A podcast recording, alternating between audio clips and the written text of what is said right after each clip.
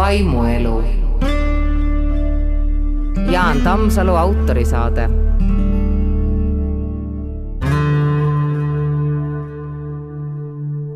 kolmas saade, seekord veel saatekülalisega.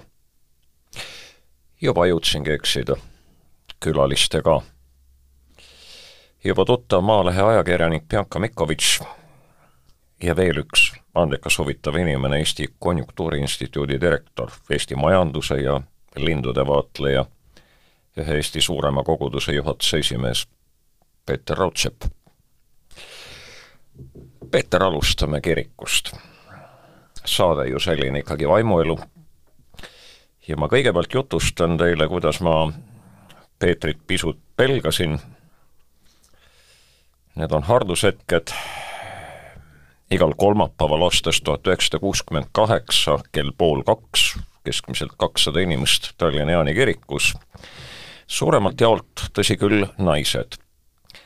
ja selle rahva hulga keskel hakkab äkki istuma üks suur mees ja tema kõrval veidi väiksem mees, tihtipeale tumedates riietes, keset kirikut, üsna kantsli all, vaatavad mulle otse suhu, märkmeid ei tee aga ma olen täiesti kindel, need vennad on kuskilt uurimisorganitest, need vennad salvestavad, need vennad on vist ohtlikud. tegelikult ma natuke kartsin sind, aga hiljem tuli välja, et ei olnud põhjust. kuidas see tulek oli, kas sina ka kartsid? jaa, Jaan, mina kartsin sind ka. no näed äh, sellepärast ma ei kiirustanud ka väga käärkambrisse tulemast ja ja, ja ennast tuttavaks tegemast, et äh, lükkasin seda edasi. ma kümme aastat tagasi leidsin, et mul on vaja kirikut. mul jäi silma Jaani kirik, sul oli parasjagu üks suuremat sorti skandaal käsil tollal, see tegi sind hästi silmapaistvaks, äratas minu huvi Jaani kiriku vastu, ma avastasin, missugused suurepärased õpetajad seal on ja nii ma tegingi oma valiku Jaani kiriku kasuks. Äh, hakkasin seal käima. Tõepoolest algul hardushetkedel, hiljem ka keskpäevapalvustel, see võtab vähe aega, on nädala keskel, on hästi arusaadav. Ja eks ma algul kartsin õpetajat. ma kartsin sellepärast, et äh, õpetajatest on loodud väljaspool kirikuinimesi selline jumaluse kujund või, või kujutelm, et tema on see ainumas püha surelik, tema on vigadeta, tema on kõigiti eeskujulik, tema on kohtumõistja, no sellise inimese pilgu alla üks tavaline inimene väljaspoolt kirikut naljalt ikka tulla ju ei julge. aga siis see minu skandaal nagu aitas, eks ole? Et kah, ikkagi inimene? kahtlemata ja äh, mulle tegelikult eesti keele juures meeldib see, et äh, me nimetame õpetajat just õpetajaks. ma arvan, et äh, selles lihtsas ilusas sõnas on kokku võetud Eesti rahva kogemus kirikuõpetajast, mis ei räägi sellest, et ta on üks kõrge ametnik, Äh, läikivas rüüspreester, see ei räägi sellest, et ta on üks selline võimas isakuju. Äh, ta on õpetaja ja õpetajaga suhe on alati isiklik, on emotsionaalne, on usalduslik. sul on nähtavasti õpetajatega koolis vedanud, kui sul on selline kujutlus õpetajatest, tihtipeale on ju see, et see isiklikkus on, on, on väga-väga puudulik, aga aga võib-olla see sõltub ka õpilasest, kuidas ta suhtestub õpetajaga? mul on tõesti vedanud, sellepärast et äh, keskkoolist meenutan, et mul oli õpetajatest täisskaala olemas. et äh, neid, oli neid, kellest eemale hoida ja oli neid, keda väga usaldada. aga hiljem järele mõeldes, siis tõepoolest õpetajast sõltus see, kas tegemist oli minu lemmikainega või, või ainega, mida ma põlgama õppisin ja mitte kordagi ma ei ole tagantjärele mõelnud seda, et et ma selle õpetaja juures teda usaldades teda oleksin pidanud ka endale eeskujuks pidama. et sellest räägitakse hästi palju õpetajast kui eeskujust, no mina ei tea. Mm, kirjandus ja füüsika olid koolis mu lemmikained, väga toredad õpetajad, ma väga hindan neid, pean lugu tänaseni, aga ma ei ütle, et nad oleksid ükski päev minu elus olnud mulle eeskujud. Nii on ka kirikus. et kui nüüd ma hakkaksin järsku rääkima sellest, et mul on eeskujud, mul on eeskujud näiteks Jaan Tammsalu, Toomas Paul, siis palun hakake kahtlema minu vaimses seisukorras, et et milleks ma seda räägin mis minuga lahti on, mis minuga juhtunud on, et no kuulge, ma ei, ma ei küüni ju kunagi sellisele tasemele, et, et ma võiksin sellise eeskuju endale võtta. no ma siin lihtsalt kõrvalt mõtlen oma kõige paremale õpetajale ja väga kuulsa Eesti laulja vennale, see mees on nüüd lahkunud, aga ta tegi matemaatika imeliselt kiirelt selgeks. aga tal oli üks omadus, kevadel saatis ta poole tunni pealt, kui oli asjad selgeks te teinud, poisid välja ja kui ma ükskord tagasi läksin, siis ma sain aru, milleks ta välja saatis. ta lihtsalt hakkas jooma vaikselt pingi alt, võttis oma viinapudeli ja, ja trippas. nii et selline eeskuju, palun mitte, me ei pea elus kaua vastu, kui me kõikide näiteks tarkade inimeste eeskuju järgi hakkaksime elama. nii et see ei ole üldse seda on irooniliselt öeldud, et Jaan Latik kunagi väga värvil, värvikas õpetaja olevat öelnud, et ärge tehke minu tegude, vaid minu sõnade järgi. aga küllap see mees taipas ja taipan ka mina, et kõiges ei saa olla eeskuju, kõigile ei saa olla majakaks ja nii edasi. aga, aga sina, sa lõpuks tulid uuesti Leeri kooli, kuule, mis siis eelmisega juhtus? Eelmine jäi aastasse tuhat üheksasada kaheksakümmend üheksa. väga kauge aja taha, no eks ta mõneti oli tollele ajale omaselt, Leeri lapsi oli siis väga palju, ta oli sellele ajale omaselt kiirustades toimunud. ei olnud süvenedes ja ei jätkunud mul ka vahepeal sellist põhjalikkust, et, et Jumalat üles leida et käisid kooli läbi ja võtsin jah, kursuse kordamise, sellepärast et ähm, ma ei teadnud, et leeritundi saab istuma jääda, aga ei, see ei ole istumine, see on nii-öelda tuled huvi pärast uuesti koos vennaga, kes ei ole veel käinud, sest sa tulid ju koos selle, selle natuke, natuke, natuke väiksema mehega, kellega sa seal, seal koos istusid, et jaa, ja temaga läksin koos leeri ka. täpselt, ma käisin kursuse läbi, miks ma seda tegin?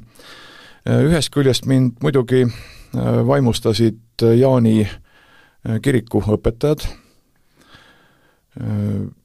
Jaani tunneme rohkem. tõsine teoloog Arne Hiob, Eve Kruus, tänane õpetaja, kes suudab väga lihtsalt öelda väga keerulisi asju väga mõjusalt, kes on väga usaldusväärne oma sõnumis ja loomulikult Toomas Paul. et äh, minu jaoks oli see hästi suur väärtus, see oli tohutult suur võimalus käia nüüd uuesti leer läbi ja saada osa vot nendest õpetajatest, nende õpetusest. et äh, hiljem, mis sellest veel välja kujunes, kujunes ka üks piiblikursus veel, kus käisin ennast harimas, täiendamas. no miks ma seda tegin, kooliharidusest oli jäänud üks oluline osa puudu. kõiki aineid õpetati eraldi ja puudus õpetus religioonidest, ehk see, mis need ained omavahel kokku seoks. aga aastatega, aastakümnetega oma elus tuli tahtmine maailma asjadest aru saada. ja see tähendas seda, et aru tuleb saada poliitikast, ajaloost, kultuurist ei ole võimalik äh, seda mõista ilma religioone tundmata. sellepärast ma võtsin selle ette. no nii, räägib siis Eesti Konjunktuuriinstituudi direktor, aga aga mind sa üllatasid seal Leeri laagris, kutsusid sa mind õue, ma mõtlesin, et sul on midagi hinge peal, aga siis hakkasid häälitsema. no siis ma sain aru, et see mees oskab lindude hääli teha ja ja häälitsesid jäid vaikseks, kuulatasid. Ma ei tea, kas sa tegid ema või isa, isaslinnu häält, aga igal juhul sa kuulsid, kas keegi hõikab vastu. no seekord vastuhõikeid ei olnud, aga aga mulle tundus küll, et sa tegid väga hästi lindude hääli, et, et mis asi sul nende lindudega on, et Jeesus ütleb, et et me peaksime jälgima taevalinde, noh, väga paljud inimesed ei tee rohkema kui varblase ja tuvi vahel vahet ka ristiinimestena, kuigi Jeesus on soovitanud linde jälgida, nemad jälgivad igasuguseid ekraane ja muid selliseid asju parema meelega, aga mis lugu sul nende lindudega on? Ehm, no alustame varblasest. varblasi on Eestis kaks liiki, tuvisid märksa enam. mine ja tee neil siis vahet no nüüd läheb saade umbes neljatunniseks, uskuge mind. aga jah, tookord äh, üritasime mõnda, mõnda kakku sealt välja peibutada sellest vanast pargist, aga aga ei õnnestunud, aga ega siis üks hea linnuvaatus, nii nagu hea kalalkäik või, või jahilkäik, ei pea tä-, tähendama seda, et, et see peaks ka selles mõttes õnnestuma, et sa sealt midagi kuuled või näed. et äh, käik ise, seltskond, sinna juurde käivad vestlused, et need on äh, teinekord äh, vaata et olulisematki, see seiklus ise. tulemus on ju alati ettearvamatu. lindude vastu hakkasin huvi tundma, ma olin siis üheteistaastane. sellest ajast hakkasin lugema ka jõudumööda sellist teaduslikku kirjandust, hakkasin käima Tartu Loodusmajas õppimas ja tahtsin saada väga tõsiselt bioloogiks. ma mõtlesin ümber aastal, see oli tuhat üheksasada kaheksakümmend seitse, siis kui keskkool hakkas läbi saama ja ja, ja majanduses hakkas paistma, et isemajandav Eesti ettepanek oli juba tehtud ja et no midagi võiks siin nagu muutuda.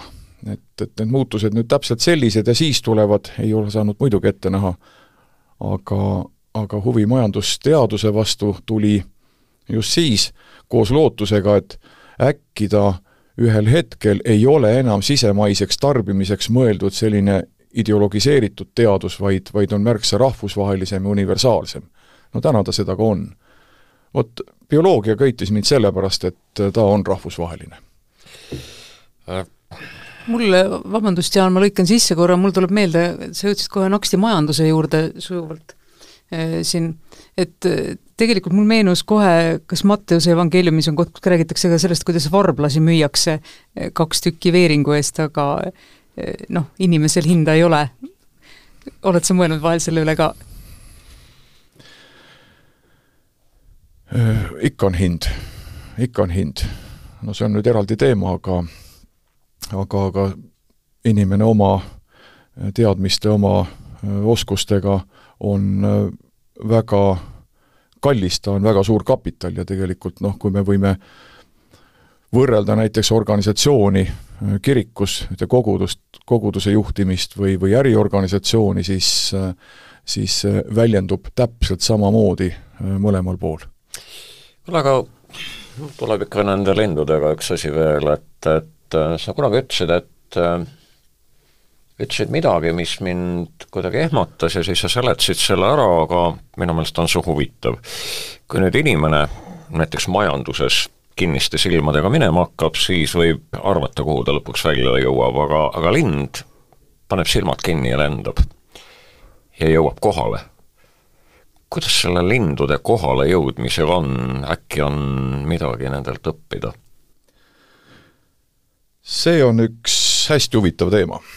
et äh, võib-olla üks põhjus ka, et miks mulle lapsena hakkas just lindude vaatlemine meeldima ja mitte äh, taimede või, või, või mõnede loomade. linde on parasjagu nii palju liike, et need jõuab ära õppida. noh, Eestis sinna neljasaja alla, neid ei ole nelja tuhandet vaja õppida. teiseks, neid on piisavalt palju, et oleks huvitav. noh, neid ei ole nelikümmend. linnud on värvikirevad, nad näitavad ennast väga palju, nad laulavad ja nad rändavad no praktiliselt kõik linnud, linnuliigid, vot välja arvatud needsamad varblased või kodutuvi, et, et nemad ei, ei rända, nad on täiesti paiksed meil siin. aga teised on kõik kas rändlinnud või hulgulinnud, rändlind siis selles mõttes, et tal on oma välja kujunenud ränderütm, sesoonne, väga konkreetsed äh, talvituspaigad, pesitsuspaigad, väga konkreetne teekond nende vahel. hulgulind, noh, tema võtab vabamalt äh, tema talvitusalad või, või, või või teekonnad on palju juhuslikumat laadi. see kõik on väga huvitav ja see on ka inimeste tähelepanu pälvinud aastatuhandeid. aga seda muidugi tõlgendati siis ka, ka erineval moel, et, et äh, kunagi arvati, et rändlinnud, pääsukesed näiteks, kui nad on kogunenud äh, pilliroogu sügisel suurte parvedena, järsku kaovad ära, no kuhu nad lähevad, nad lähevad ju põhjamutta talvituma. või et mõni lind lendab üle ookeani, no aga seal, teisel pool on mõni manner, seda ei teatud veel. no kuhu ta läheb? ainus nähtav objekt, mis öötaevas paistab, on kuu. no järelikult nad käivad kuu peal talvitumas. Äh, neid hüpoteese oli palju, nad on huvitavad ja ega selleni, et, et lindude rändeteed, pesitsus, talvituspaigad selgeks saada, läks aega. uuriti, rõngastati tõestati, et tõepoolest on ränne. no siis hakati tõestama, et, et see ränne on kuidagi nagu sesoonselt esile kutsutud lindudel. Äh, sealjuures on väga oluline mm, see rännusuund, et, et sa võid teda häirida hobuseraua magnetiga, sa võid äh, teda lollitada seal erinevate valgusallikatega, ta ikka teab suunda. Läks aega, siis äh, füüsikud, keemikud tegid selgeks, et äh, linnu silmapõhjas on, on see instrument, ma ei hakka seda siin keeruliselt lahti seletama ega pikalt, mis võimaldab tal ma ei ütle, et näha, aga, aga tajuda või lugeda seda maa magnetvälja mustrit ja seega äh, määrata siis oma asukohta, määrata ilmakaari. noh, kõik oleks nüüd nagu ära seletatud, aga seletamata jäi see, et või veel tuli siis seletada, et aga kuidas see on võimalik, et me paneme lindudele saatjad selga, nad lähevad rändele ja sattudes no näiteks Vahemerel ebasoodsate ilmastikutingimuste kätte, see parv võiks, rändeparv võiks hukkuda ja järsku nad võtavad suuna talvitusalale, kus talvitub sama liigi teine asurkond, ehk ei nemad ega nende lähimad eellased ei pruugi olla seal ju kunagi käinud.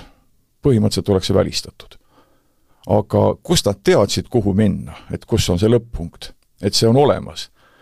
või et äh, on olemas ka linnuliike, kus vanalinnud rändavad ära ja jätavad pojad pessa kasvama. Nad on rasva söödetud korralikult, nad sellest rasvast saavad ainet, et äh, sulgi, kõõluseid, lihaseid kasvatada ja ühel hetkel arvab see mm, siis linnupoeg veel, et noor lind, et aga nüüd ma oskan lennata ja nüüd ma lendan järele ja see järele lendamine ei pruugi olla lindudel selline abstraktne lennusuund, vaid, äh, vaid tihti täiuslik marsruut, nii nagu meie loeme autoga sõites veisist siis endale teekonda.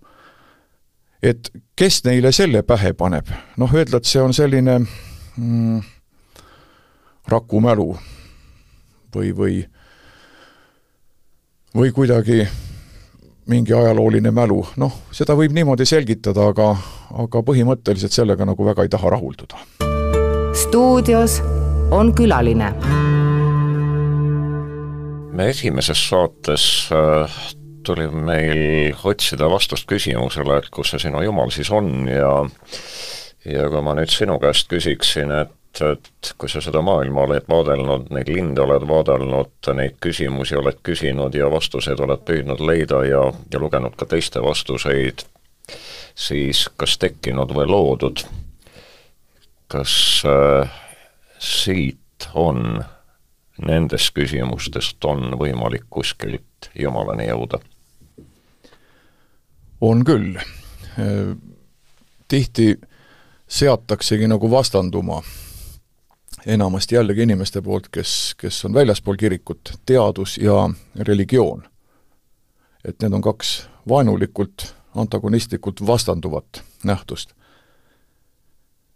tegelikult ei ole, et äh, olen täheldanud seda, et mida andekam teadlane, seda religioossem ta on.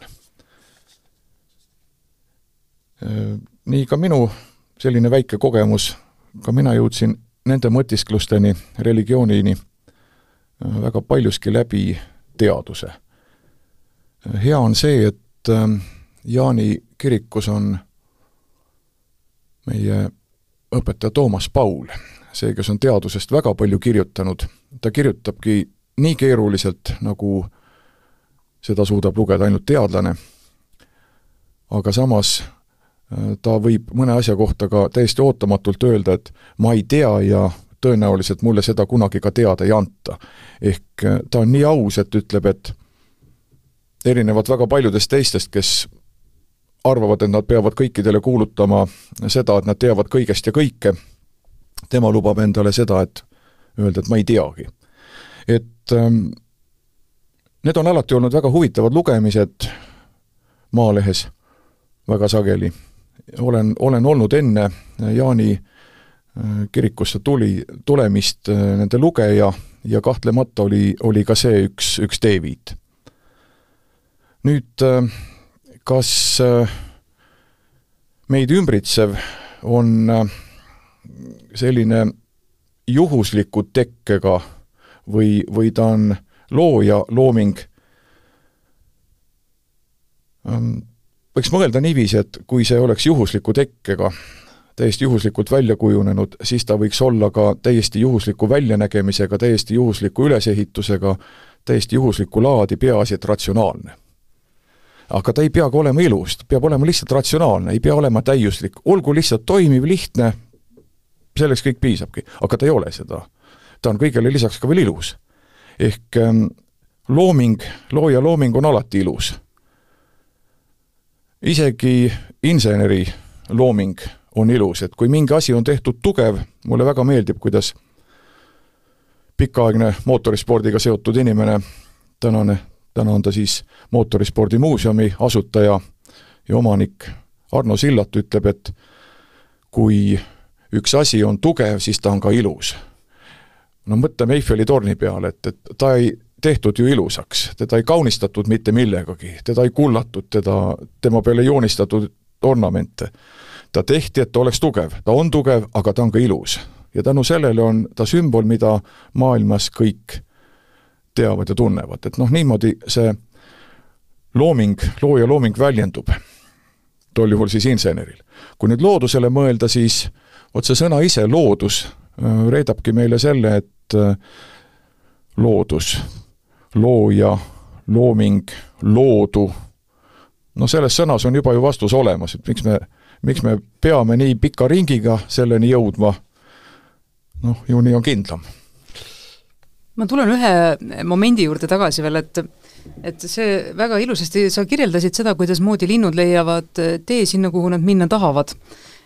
ja korraks ma muutusin veidi kadedaks, mõtlesin, et kas inimesed on kehvemad ja mõtlesin, et ei ole tegelikult, meil on ka väga palju sisemisi orientiire, mille järgi oma tee ju leida aga seal tuleb vaadata, et kes on võib-olla andekam millegi peale, ma ei tea, sina, Peeter, olid muidugi andekas nii matemaatikas kui kirjanduses, see on huvitav, tavaliselt inimesed on kas ühes pigem reaal- või humanitaar, aga aga noh, inimestena meil on omad orientiirid, me ei jaga seda lennuvärki nii eriti hästi veel, aga meil on jällegi teisi asju, mis on meile nagu sisse pandud, mille järgi oma teed eh, on ka võimalik täiesti leida ja mitte noh, me, me küll eksleme rohkem kui linnud teel lõunamaale paratamatult eks me ikka eksitatakse palju rohkem ja, ja me laseme ennast tohutult palju rohkem eksitada, et, et äh, me oma lokatsiooniseadmeid, kui võib seda nii nimetada, minu meelest me, me tihtipeale lausa teadlikult hävitame.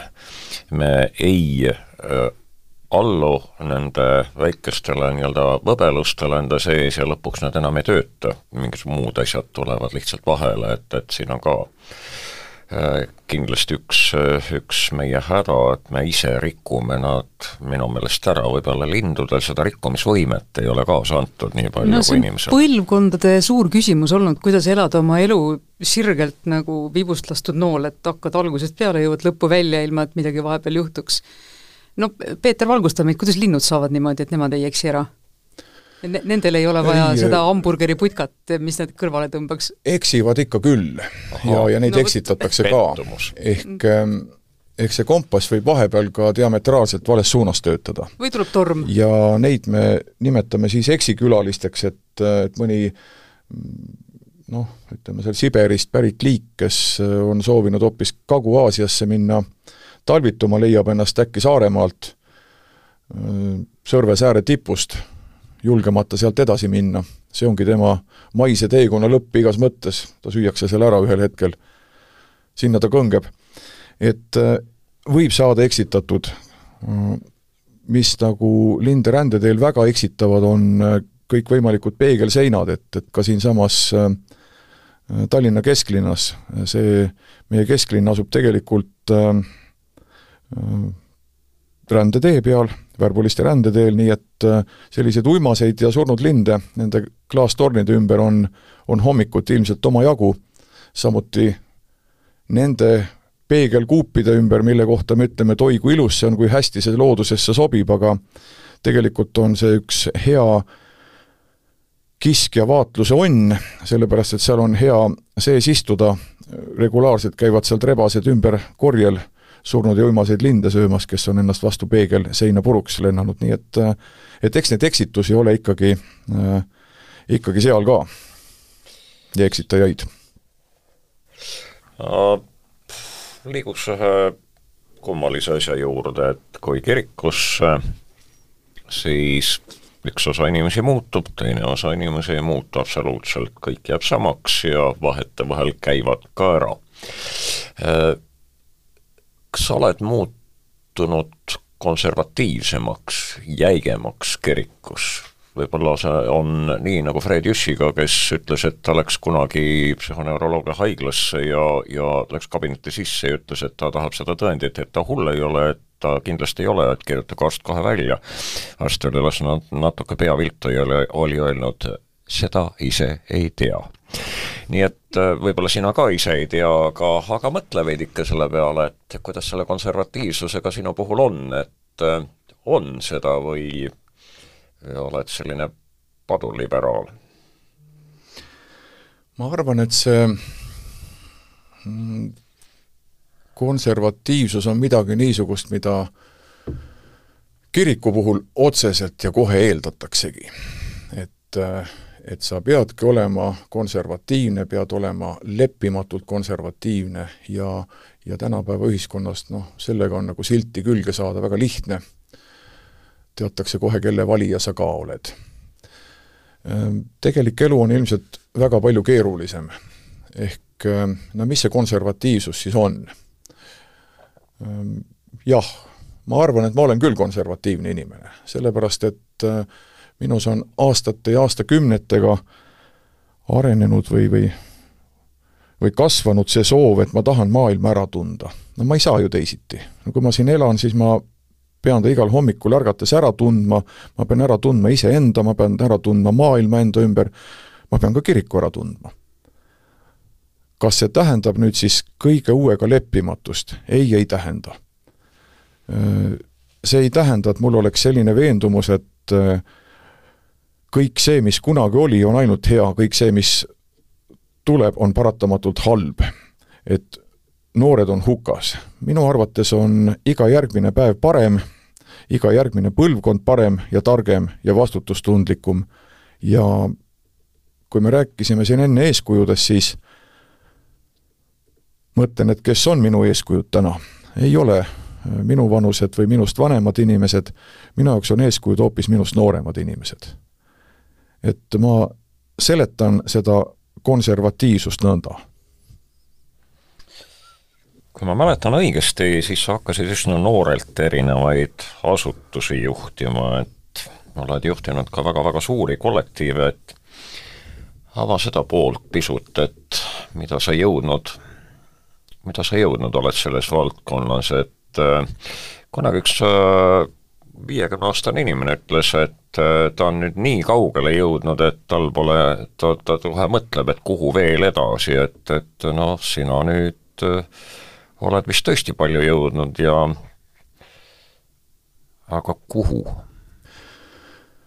no mina olen olnud selles mõttes poole kõvem mees. ma Aha. mõtlesin täpselt samamoodi kahekümne viie aastaselt juba. Et vot, ma olen nii tark, ma olen nii edukas, ma olen nii kaugele jõudnud, et et, et, et on ainult väga väheseid kohti veel, kuhu ma jõuda, jõudma peaksin. Nobeli preemiat ei olnud veel? piinlik on meenutada seda, seda aega, aga sa ise küsisid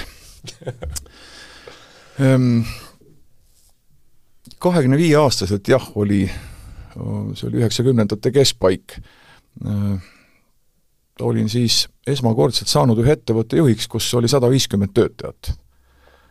Ehm, kummalisel kombel siis ma tundsin neid inimesi, no võib-olla oligi aeg, kus inimesed rohkem ennast avasid ja võisidki rohkem küsida ja kõik rohkem teineteist teadsid ja ma teadsin nendest inimestest no võib-olla kahest kolmandikust päris palju. Teadsin nende peredest, teadsin, mis probleemid neil on, me rääkisime sellest. ja aasta-aastalt noh, tulevad teised ettevõtted, suuremad, aga kõik muutus ka kuidagi anonüümsemaks, et, et vot sellist, sellist kogemust enam ei olnud, et et jah, minu juhitud ettevõttes on töötanud ka üle nelja tuhande inimese. see oli Eesti Post või? täpselt. see oli äh, siis selline aeg, kus mm, noh, vastutuse defineerisin endale selliselt, et iga Eestimaa inimene, iga organisatsioon siin on minu ettevõtte klient. Et see oli, see oli hästi, hästi tõsine vastutus tollal. see on andnud võimaluse kogeda erinevaid organisatsioone, neid on olnud mitu, mida olen juhtinud, need on olnud erineva suurusega ja see on selline mõnus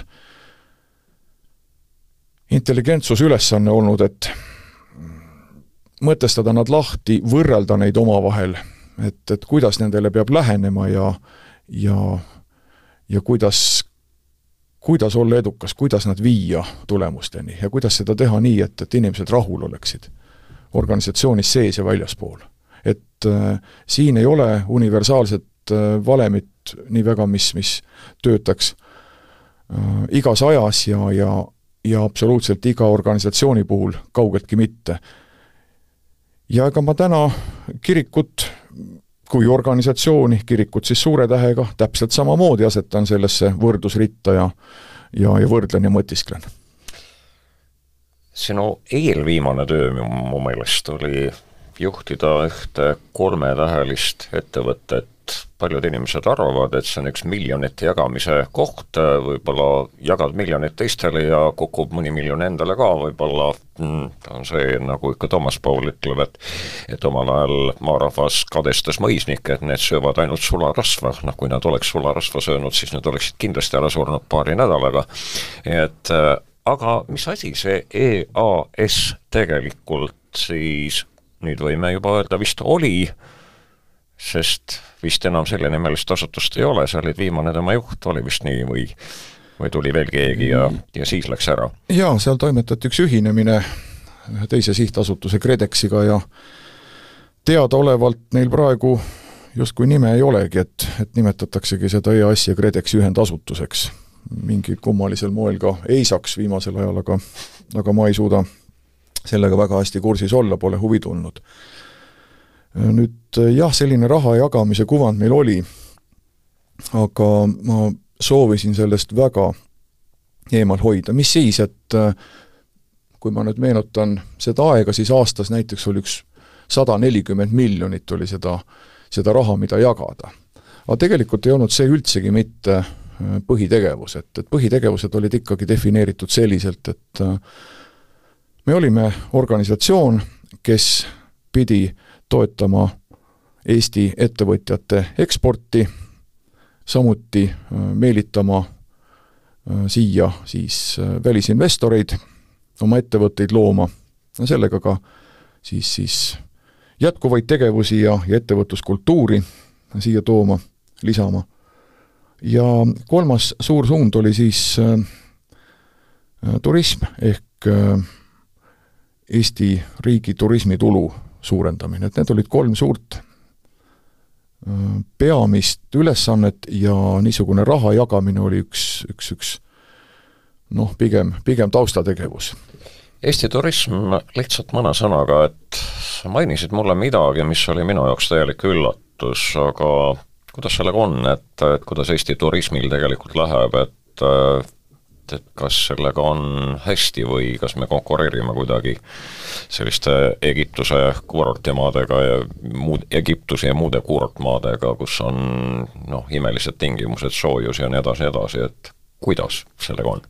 täna on kõik teistmoodi, aga aga meenutan aastat kaks tuhat üheksateist, kui see läbi sai, tehti kokkuvõtted ja ja see oli aasta, millal löödi kõik turismirekordid, mis, mis üldse olemas olid Eestis.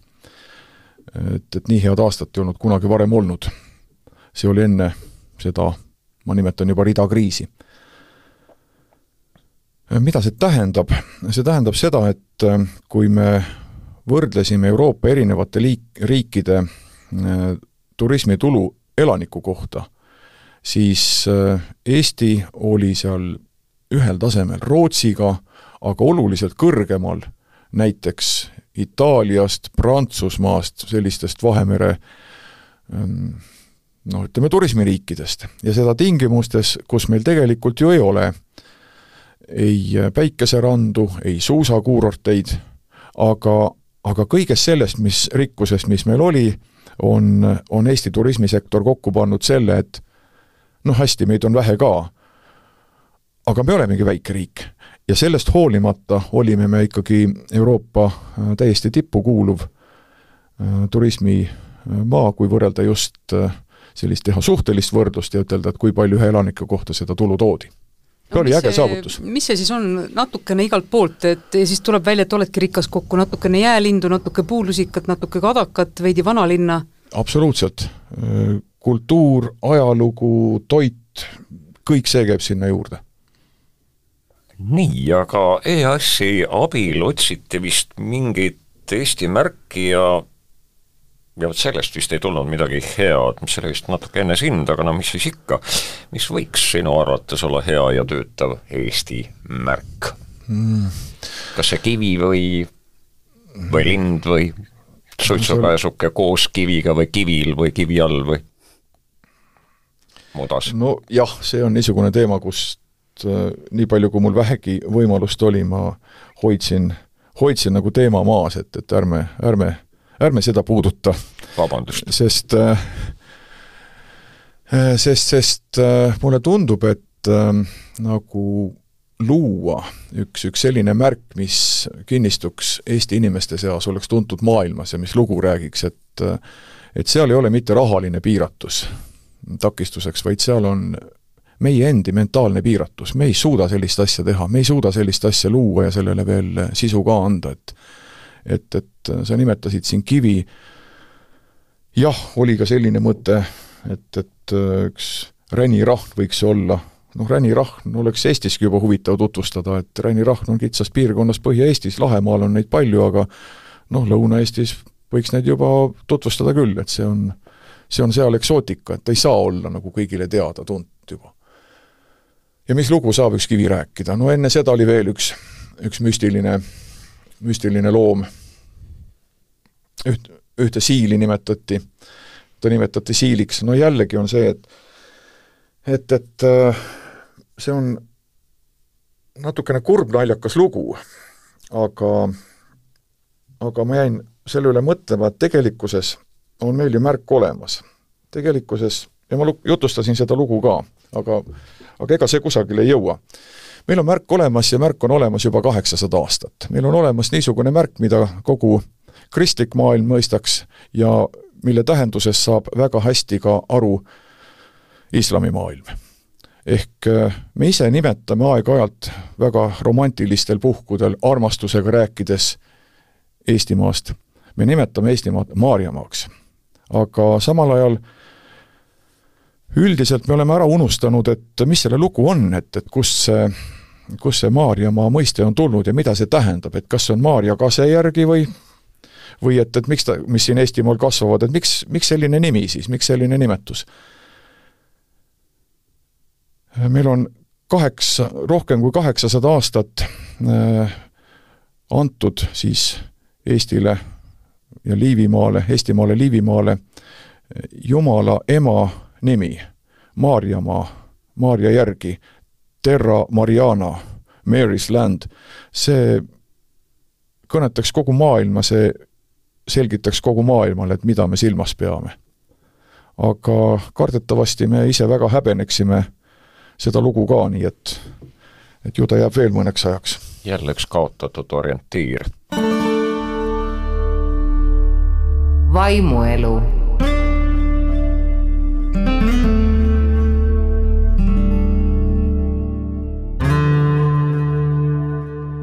sind valiti kevadel juhtima Eesti Konjunktuuriinstituuti, enne sind juhtis seda pikalt Marje Joosing. Eesti Konjunktuuriinstituut, mulle üllatuseks on tegemist mitte millegi värskega, vaid ligi üheksakümneaastase instituudiga. miks seda juba kolmekümne neljandal aastal vajalikuks peeti ja miks ta ikka veel on olemas ja miks sa teda juhtima läksid? see organisatsioon on selleks ellu kutsutud, et äh, otsustajatel, äh, ärijuhtidel, valitsuse liikmetel, poliitikutel oleks võtta kvaliteetne ja adekvaatne informatsioon Eesti majanduse seisust. otsustamiseks on see vajalik. Äh, selleks ta loodi ja sellist ülesannet on ta läbi nende aastakümnetega täitnud. ta on sõltumatu teadusasutus, ta ei sõltu ei kellegi rahastusest, see organisatsioon teenib oma raha ise ja ja, ja hoiab niisugust ähm, usaldusväärset teaduslikku ja, ja erapooletut joont, et see on hästi oluline siis te olete üks väga tüütu asutus, sest mulle tundub, et viimasel ajal ei ole vaja mingisuguseid, äh, mingisuguseid äh, tõsiseid vaatlusi, tehakse kiirelt otsused ära, pannakse valitsus kokku, iga osapool on lubanud midagi suurelt ja siis kukutakse neid lubadusi täitma ja kukutakse seadusi muutma ja ma ei tea, mitu päeva teile antakse, kui teie käest midagi küsitakse, et kuhu me välja jõuame, kui me sellise seaduse vastu võtame, sellised maksud peale paneme ja nii edasi, et on teid üldse vaja või olete nagu ränirahm kuskil tee peal ees, aga ei jaksa nagu eemale ka tõsta, sest ise ei rahasta ja ei saa öelda, et andke meile selline tulevikuvisioon? noh, sellisel viisil ei ole jah vaja. sellepärast, et ühe korraliku uuringu tegemine metoodiliselt uuringu tegemine, see võtab aega ja ja see on ikkagi kuude küsimus, et äh, tänase päeva kommete kohaselt, kus antakse arvamuste avaldamiseks, tagasiside andmiseks äh, noh, kaks-kolm tööpäeva, et, et see tegelikult ei ole piisav aeg. Äh, tegelikult ei peaks neid asju üldse niimoodi käsitlema, sellepärast et äh, neid majandus on keeruliselt prognoositav nähtus. ja lihtne on neid prognoose teha noh, ühe-kahe teguri pealt, et no võtame kaks, üks-kaks tegurit, räägime baasintressi, räägime raha pakkumisest, raha pakkumise vähendamisest ja kõik oleks justkui räägitud, et see nagu asjad selgitabki ära. jah, õpikuleheküljel küll, aga tegelikkuses me peaksime neid ähm, tegureid märksa enam vaatlema, tegelikult igasuguste maksumuudatuste juures me peaksime mitte ainult ühte maksu silmas pidama, vaid kõiki kavandatavaid makse, me peame vaatama ka nende koosmõju. et see on, on märgatav, aga kui need tuuakse nagu avalikkuse ette ühekaupa, äh, kiirustades, siis niisugune võimalus tegelikult ju puudub. Äh, see ei ole hea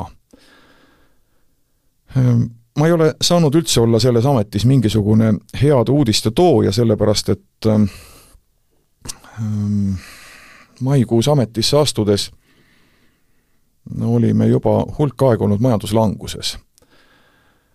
täna me võime ütelda, et see majanduslangus on olnud pikaajaline, see on kestnud juba üle pooleteise aasta, sellele tegelikult ei paista täna lõppu ja ma olen olnud üks nendest, kes on selle kevadel välja öelnud et ma olen muutunud niisuguseks halbade uudiste toojaks või halbade prognooside, ebameeldivate prognooside tegijaks, et et eks ta ole natuke koormav ka, küsitakse ikka, et kas sa midagi ilusat ei räägigi, siis ma ütlen, et otsige seda ilusat kusagilt mujalt kui majandusest. loodust.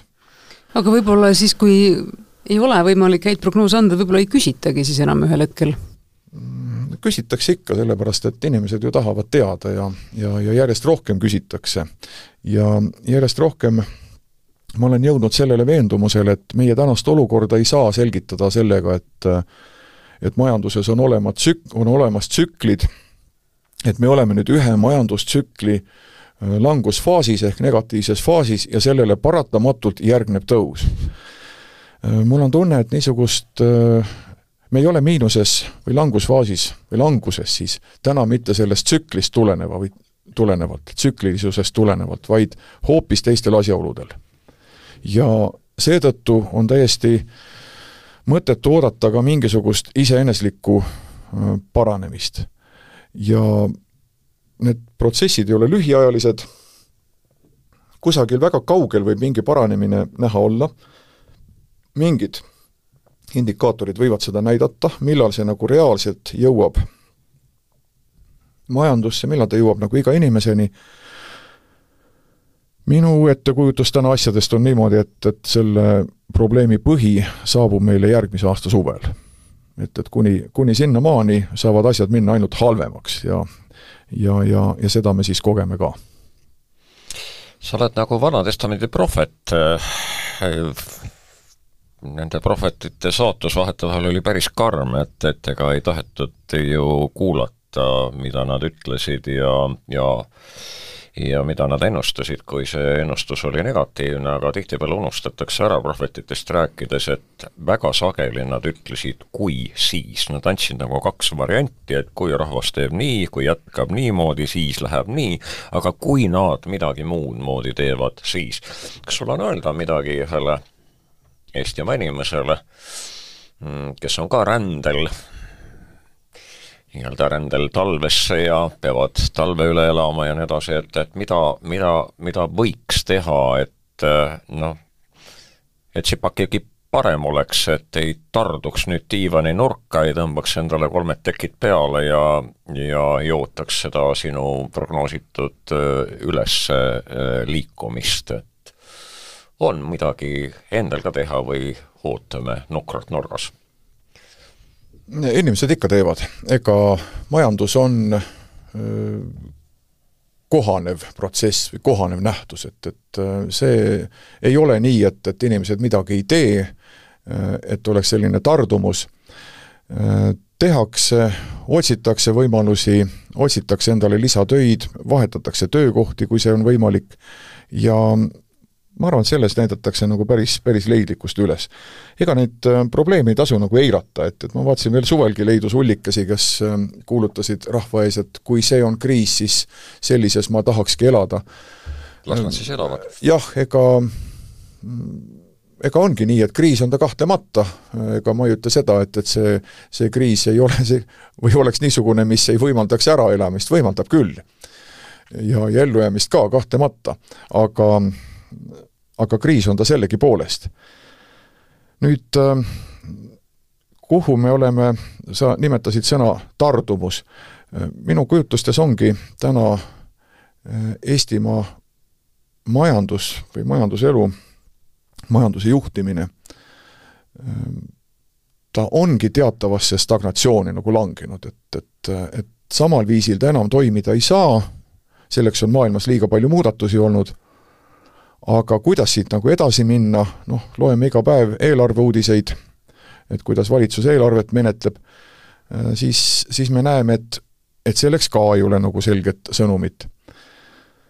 Öeldakse nii, et et, et Eesti, kui me oleme saanud heaoluriigiks, aga Eesti heaoluriigina sellisel kujul ei saa enam äh, jätkata, et et äh, me peame siis hakkama seda kas igal aastal kallite laenudega kinni maksma, mis on selles mõttes võimatu, et, et intressid on väga kõrged, või me peame hakkama millestki loobuma. minu arvates oleks vaja küll ühte korralikku diskussiooni selles vallas, et mida tähendab heaoluriik ja kas seda heaoluriiki mm, saab ka odavamalt või äh, kas kõik see raha, mida me täna kulutame selle nii-öelda heaoluriigi ülalpidamiseks, ikka meile ka tegelikku heaolu loob. ehk äh, selline kriitiline suhtumine ja kärpimisvõimaluste otsimine ei ole midagi uut, meie naabrid täna sellega tegelevad. mida meie tahame teha? meie tahame makse tõsta. naabrid sellest hoiduvad, räägin Soomest ja Lätist. Miks nad hoiduvad, sest kõigile on selge, et maksude tõus ei tee mitte midagi muud, kui kihutab takka inflatsiooni ja, ja teisisõnu, ta ka vähendab veel, või teisipidi, ta ka vähendab veel meie ettevõtete konkurentsivõimet. Ehk ta kokkuvõttes lämmatab majandust. ja nüüd siis ütelda, et me tõstame makse, see on lahendus, järgmine lahendus saabub aasta või kahe pärast, me tõstame jälle makse, ma eile kujutasin ette ühe erikomisjoni nõupidamise järel, et et see oleks just nagu joosta ümber kiriku ja joosta iga ring järjest kiiremini ja püüda nagu iseendast mööda joosta või, või näha vähemalt ennast siis nagu sinna nurga taha ära kadumas, et, et et nii kiiresti me ei suuda joosta, et, et mida kiiremini me jookseme, seda kiiremini me ka nurga taha ära kaome. mida rohkem me makse tõstame, seda rohkem me majandust lämmatame, mida rohkem me majandust lämmatame, seda rohkem me peame ju makse tõstma, et et sellest ringist sellist väljapääsu ei ole ja ja siin ei ole ühte lihtsat lahendust, vaid see on üks üks pikem ja, ja, ja valulikum protsess, aga kui ma suvel ühte konjunktuuri esitlust tegin ja tänasin ajakirjanike huvi eest majandusteemade vastu, et on ju olemas mitmeid väga palju lihtsamaid teemasid, kus inimesed saavad ühe korraga rusika lauda lüüa ja, ja, ja seisukoha võtta, et majandus on keeruline teema, siin nii ei õnnestu, teie tulite, kuulate, mõtlete kaasa, aitäh! Siis äh, täna tegelikult see diskussioon on tekkinud, aga ta peab edasi minema, ta peab süvenema. Olemegi jõudnud siis kiriku juurde, juba kujutasid kedagi jooksmas ümber kiriku, sa oled, äh, sa oled olnud aastaid Tallinna Jaani koguduse juhatuse liige ja paar viimast aastat ka selle suure ja aktiivse koguduse juhatuse esimees millega sa tegeled ja kui kõrget palka selle eest saad, et äkki sellest mõne lausega? ja, ja kas sa tead ka mõnda noh, head palvet, et kuidas raha rohkem juurde saada? tegelikult ma alustasingi sellest, kui ma, kui ma eile õhtul järele mõtlesin, et et meil selline vestlus tuleb, et et, et mis oli mu esimene tegevus, kui ma käed panin millegile külge mäletan, et Jaan kurtis, raha laekub vähe. raha laekub korjanduskasti vähe, sest kardetavasti kaob see sealt ära. et käivad ühed kahtlased tegelased, teevad vaga näo ette, aga tegelikult poetavad varrukast ühe kurenoka ja kougivad sellega siis rahatähti välja. sedelid, sedelid jah, võeti välja sealt. vaatasin seda kasti, mõtlesin ühe plekist konstruktsiooni sinna välja, et raha sealt sisse pääseb, aga välja enam mitte. oli see vist mingi kümme, kakskümmend protsenti ikka, kui palju need tõusis kenasti. Laekumised kohe kasvasid selle järel, jah, see koliseb hirmsasti, aga kui sinna münte sisse lasta, aga selle vastu on ka rohtu rahasedel, paberraha, see ei kolise. see läheb ma muideks soovitasin, kui mulle nurisite selle üle, ma soovitasin, et pange salvrätiku sisse oma viiesendine ja muide me olemegi leidnud viiesendiseid salvrätikus. aga edasi. et see oli, see oli esimene töö. Mm, hiljem tuli neid nagu juurde, et äh, veel enne, kui, kui, kui juhatusse äh, valiti, aga see on äh, olnud hästi huvitav selles mõttes, et ma olen näinud, kuidas Jaan on asju eest vedanud. ta on inimesi kaasanud, nad on toonud oma anded, oma töö, nad on toonud annetustena raha, nad on toonud teisi inimesi ja nad on leidnud sellest ähm, rahulolu, et, et nad on saanud midagi teha, nad on saanud teha midagi püsivat, ilusat ja ja, ja saanud juurde endale sellist tutvuskonda. et see on äh, sarnase väärtustega inimesi.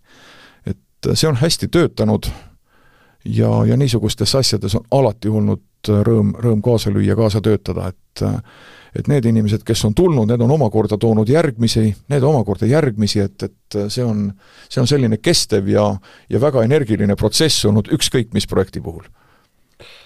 no selle oma teise küsimuse vastan ise ära, et eh, juhatuse esimehed ega ka liikmed ei saa kuskil palka ja, ja see on puhas, puhas selline vabatahtlik armastustöö ja, ja Peetril kulub selleks väga-väga palju aega, eriti viimastel aegadel minu süü tõttu ka loomulikult.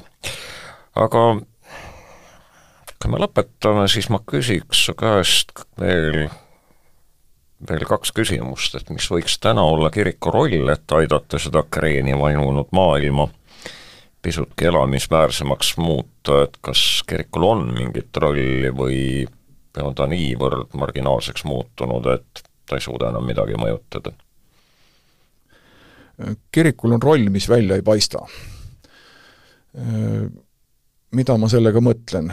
kirik paistab välja eelkõige selle kaudu, millest ta räägib. aga millest kirik räägib? kirik suure tähega. kirik räägib sellest, mida tema käest küsitakse. vot niimoodi ma võtan kokku selle, see on minu aastakümnete kogemus, et et tegelikult kui me näeme kirikut avalikkuses, näeme meedias, siis, siis need ei ole enamasti olnud kiriku poolt initsieeritud teemad, vaid need on hoopis need teemad, mida on, mida on see ilmalik maailm kirikule ette öelnud, millest tuleb rääkida. ja vot siit on tekkinud nagu selline mm, teistsugune arusaam või ütleme siis kiriku sisule mittevastav arusaam inimestel no kui ma nüüd mõtlen, et äh, meil on äh, psühholoogide juures neljakuised järjekorrad, kui ma mõtlen sellele, et me oleme ridakriisis, äh, meil on süvenevad probleemid majanduses, me oleme väsinud, siis kahtlemata on, on see psühholoogi abi vaja, aga ma ütlen, et kirik on väga paljuski see koht, kus seda saab kohe ja tasuta. siin on üks aga, vot see sisenemise barjäär on või, või, või ukse läbi on väga kõrge. seda on inimesel raske ületada, sellepärast et kirik nõuab väga oluliselt äh, süvenemist. palju lihtsam on äh, osta enda soovi täitumine. keegi paneb kaarte, keegi keerutab pendlit, keegi võtab needuse maha, mis iganes. ma soovin, ma annan oma raha ära ja ma ei pea rohkem mitte midagi tegema, aga ma ei peagi muutuma, ma ei peagi süvenema. et, et minu meelest see on äh, väga palju inimestele nagu halba tegemine, et, et äh, see, kui nad saavad veendumuse, et, et nende tahtmine sündigu, vot nende tahtmine sündigu, äh, nende soov täitub, ilma alandumata, ilma palumata, ilma muutumata, et vot see on nagu, see on nagu halb, see on ohtlik kirikusse tunnistan, ei ole lihtne tulla, liturgiast on väga keeruline aru saada, see jääb arusaamatuks, kaugeks, saab peavalu, selleks on viise, selleks, selleks on tee olemas, aga aga see nõuab huvi, tahtmist ja püsivust. ja lõpuks oled saanud kirikust ju ka tagasilööke, kas kahetsed, et sinna tulid ja seal käed külge lõid, kas tahaksid kirikuta maailma tagasi? ei taha, ei taha sellepärast, et mm, ma ei kujuta ennast seal ette. ma ei kujuta ennast seal ette sellisena, kes kõike ise teab, loodab ainult iseendale ja arvab, et kellelgi, kellelegi teisele ei olegi loota kes arvab, et ta on edukas, ilmeksimatu ja, ja tark. see on väga ohtlik, seda ei, ei taha tagasi ja lõppude lõpuks ka selline hariduslik taust, et et mõtlen ennast enam kui kakskümmend aastat tagasi Belgiasse, Genti linna, ühte kloostrisse, kus tollal ma vaatasin ühe paksu klaasi taga asuvat pilti ja pildil oli lammas. see ei jutustanud mulle mitte mingisugust lugu, ma ei saanud sellest mitte midagi aru, minu jaoks oli see pilt segane, ta meenut-, see pildil valitsev segadus meenutas mulle lapsepõlves nähtud taluhoovi seatapu hommikul ja siis ma mõtlesingi, et kummal pool klaasi nüüd see lammas siis õigemini on. Et äh, sinna ka ei taha enam tagasi. aitäh sulle, Peeter, aitäh, Bianca. mul oli teiega küll väga huvitav. mõtisklus. milline on meie elu? kuhu me oleme teel? kuhu rändame? Kas teame seda või veeretame oma päevi õhtusse, ekseldes ilma suunata, eesmärgita? aeg-ajalt ehk kurdame, et tuul pole elumerel seilamiseks meile soodne. kas teadsid, et Kreeka mõttetark Seneca on kord öelnud, kui sa ei tea, kuhu sa sõita soovid, pole sulle ükski tuul soodne eluõhtu. Päike on loojumas, varjud pikenevad, õhtu on saabumas ja öögi. see tuleb ju kindlasti. kas meie jaoks on hommikut lõputut päeva imelises? kas keegi tuleb meile seal vastu ja juhib meid valgusesse? kas tema, kes seda teha meile saab, tunneb üldse meid? kas meie tunneme teda? tunneme paljude eksitavate meelitavate häälte hulgast ära tema hääle. igale asjale siin päikese all on antud aeg. küllap ka ekslemiseks. aeg-ajalt on ehk isegi hea, kui satume kangekaelselt oma tarkuses rännates, looja juhatest ignoreerides oma eluga rappa või padrikusse või kuristiku servale ja küllap on ka kannatust kõigile vaja. kuidas me muidu targemaks saaksime? kuid ühel hetkel tuleb ju teha valik. millal? äkki kunagi hiljem või homme? mõeldes kõigele sellele, mis täna maailmas sünnib, pole meil mõistlik vist kõige olulisemat homsesse lükata. sest mida meie teame oma homsest või maailma homsest. oleme elujõel oma paadis. kas meil on aerud?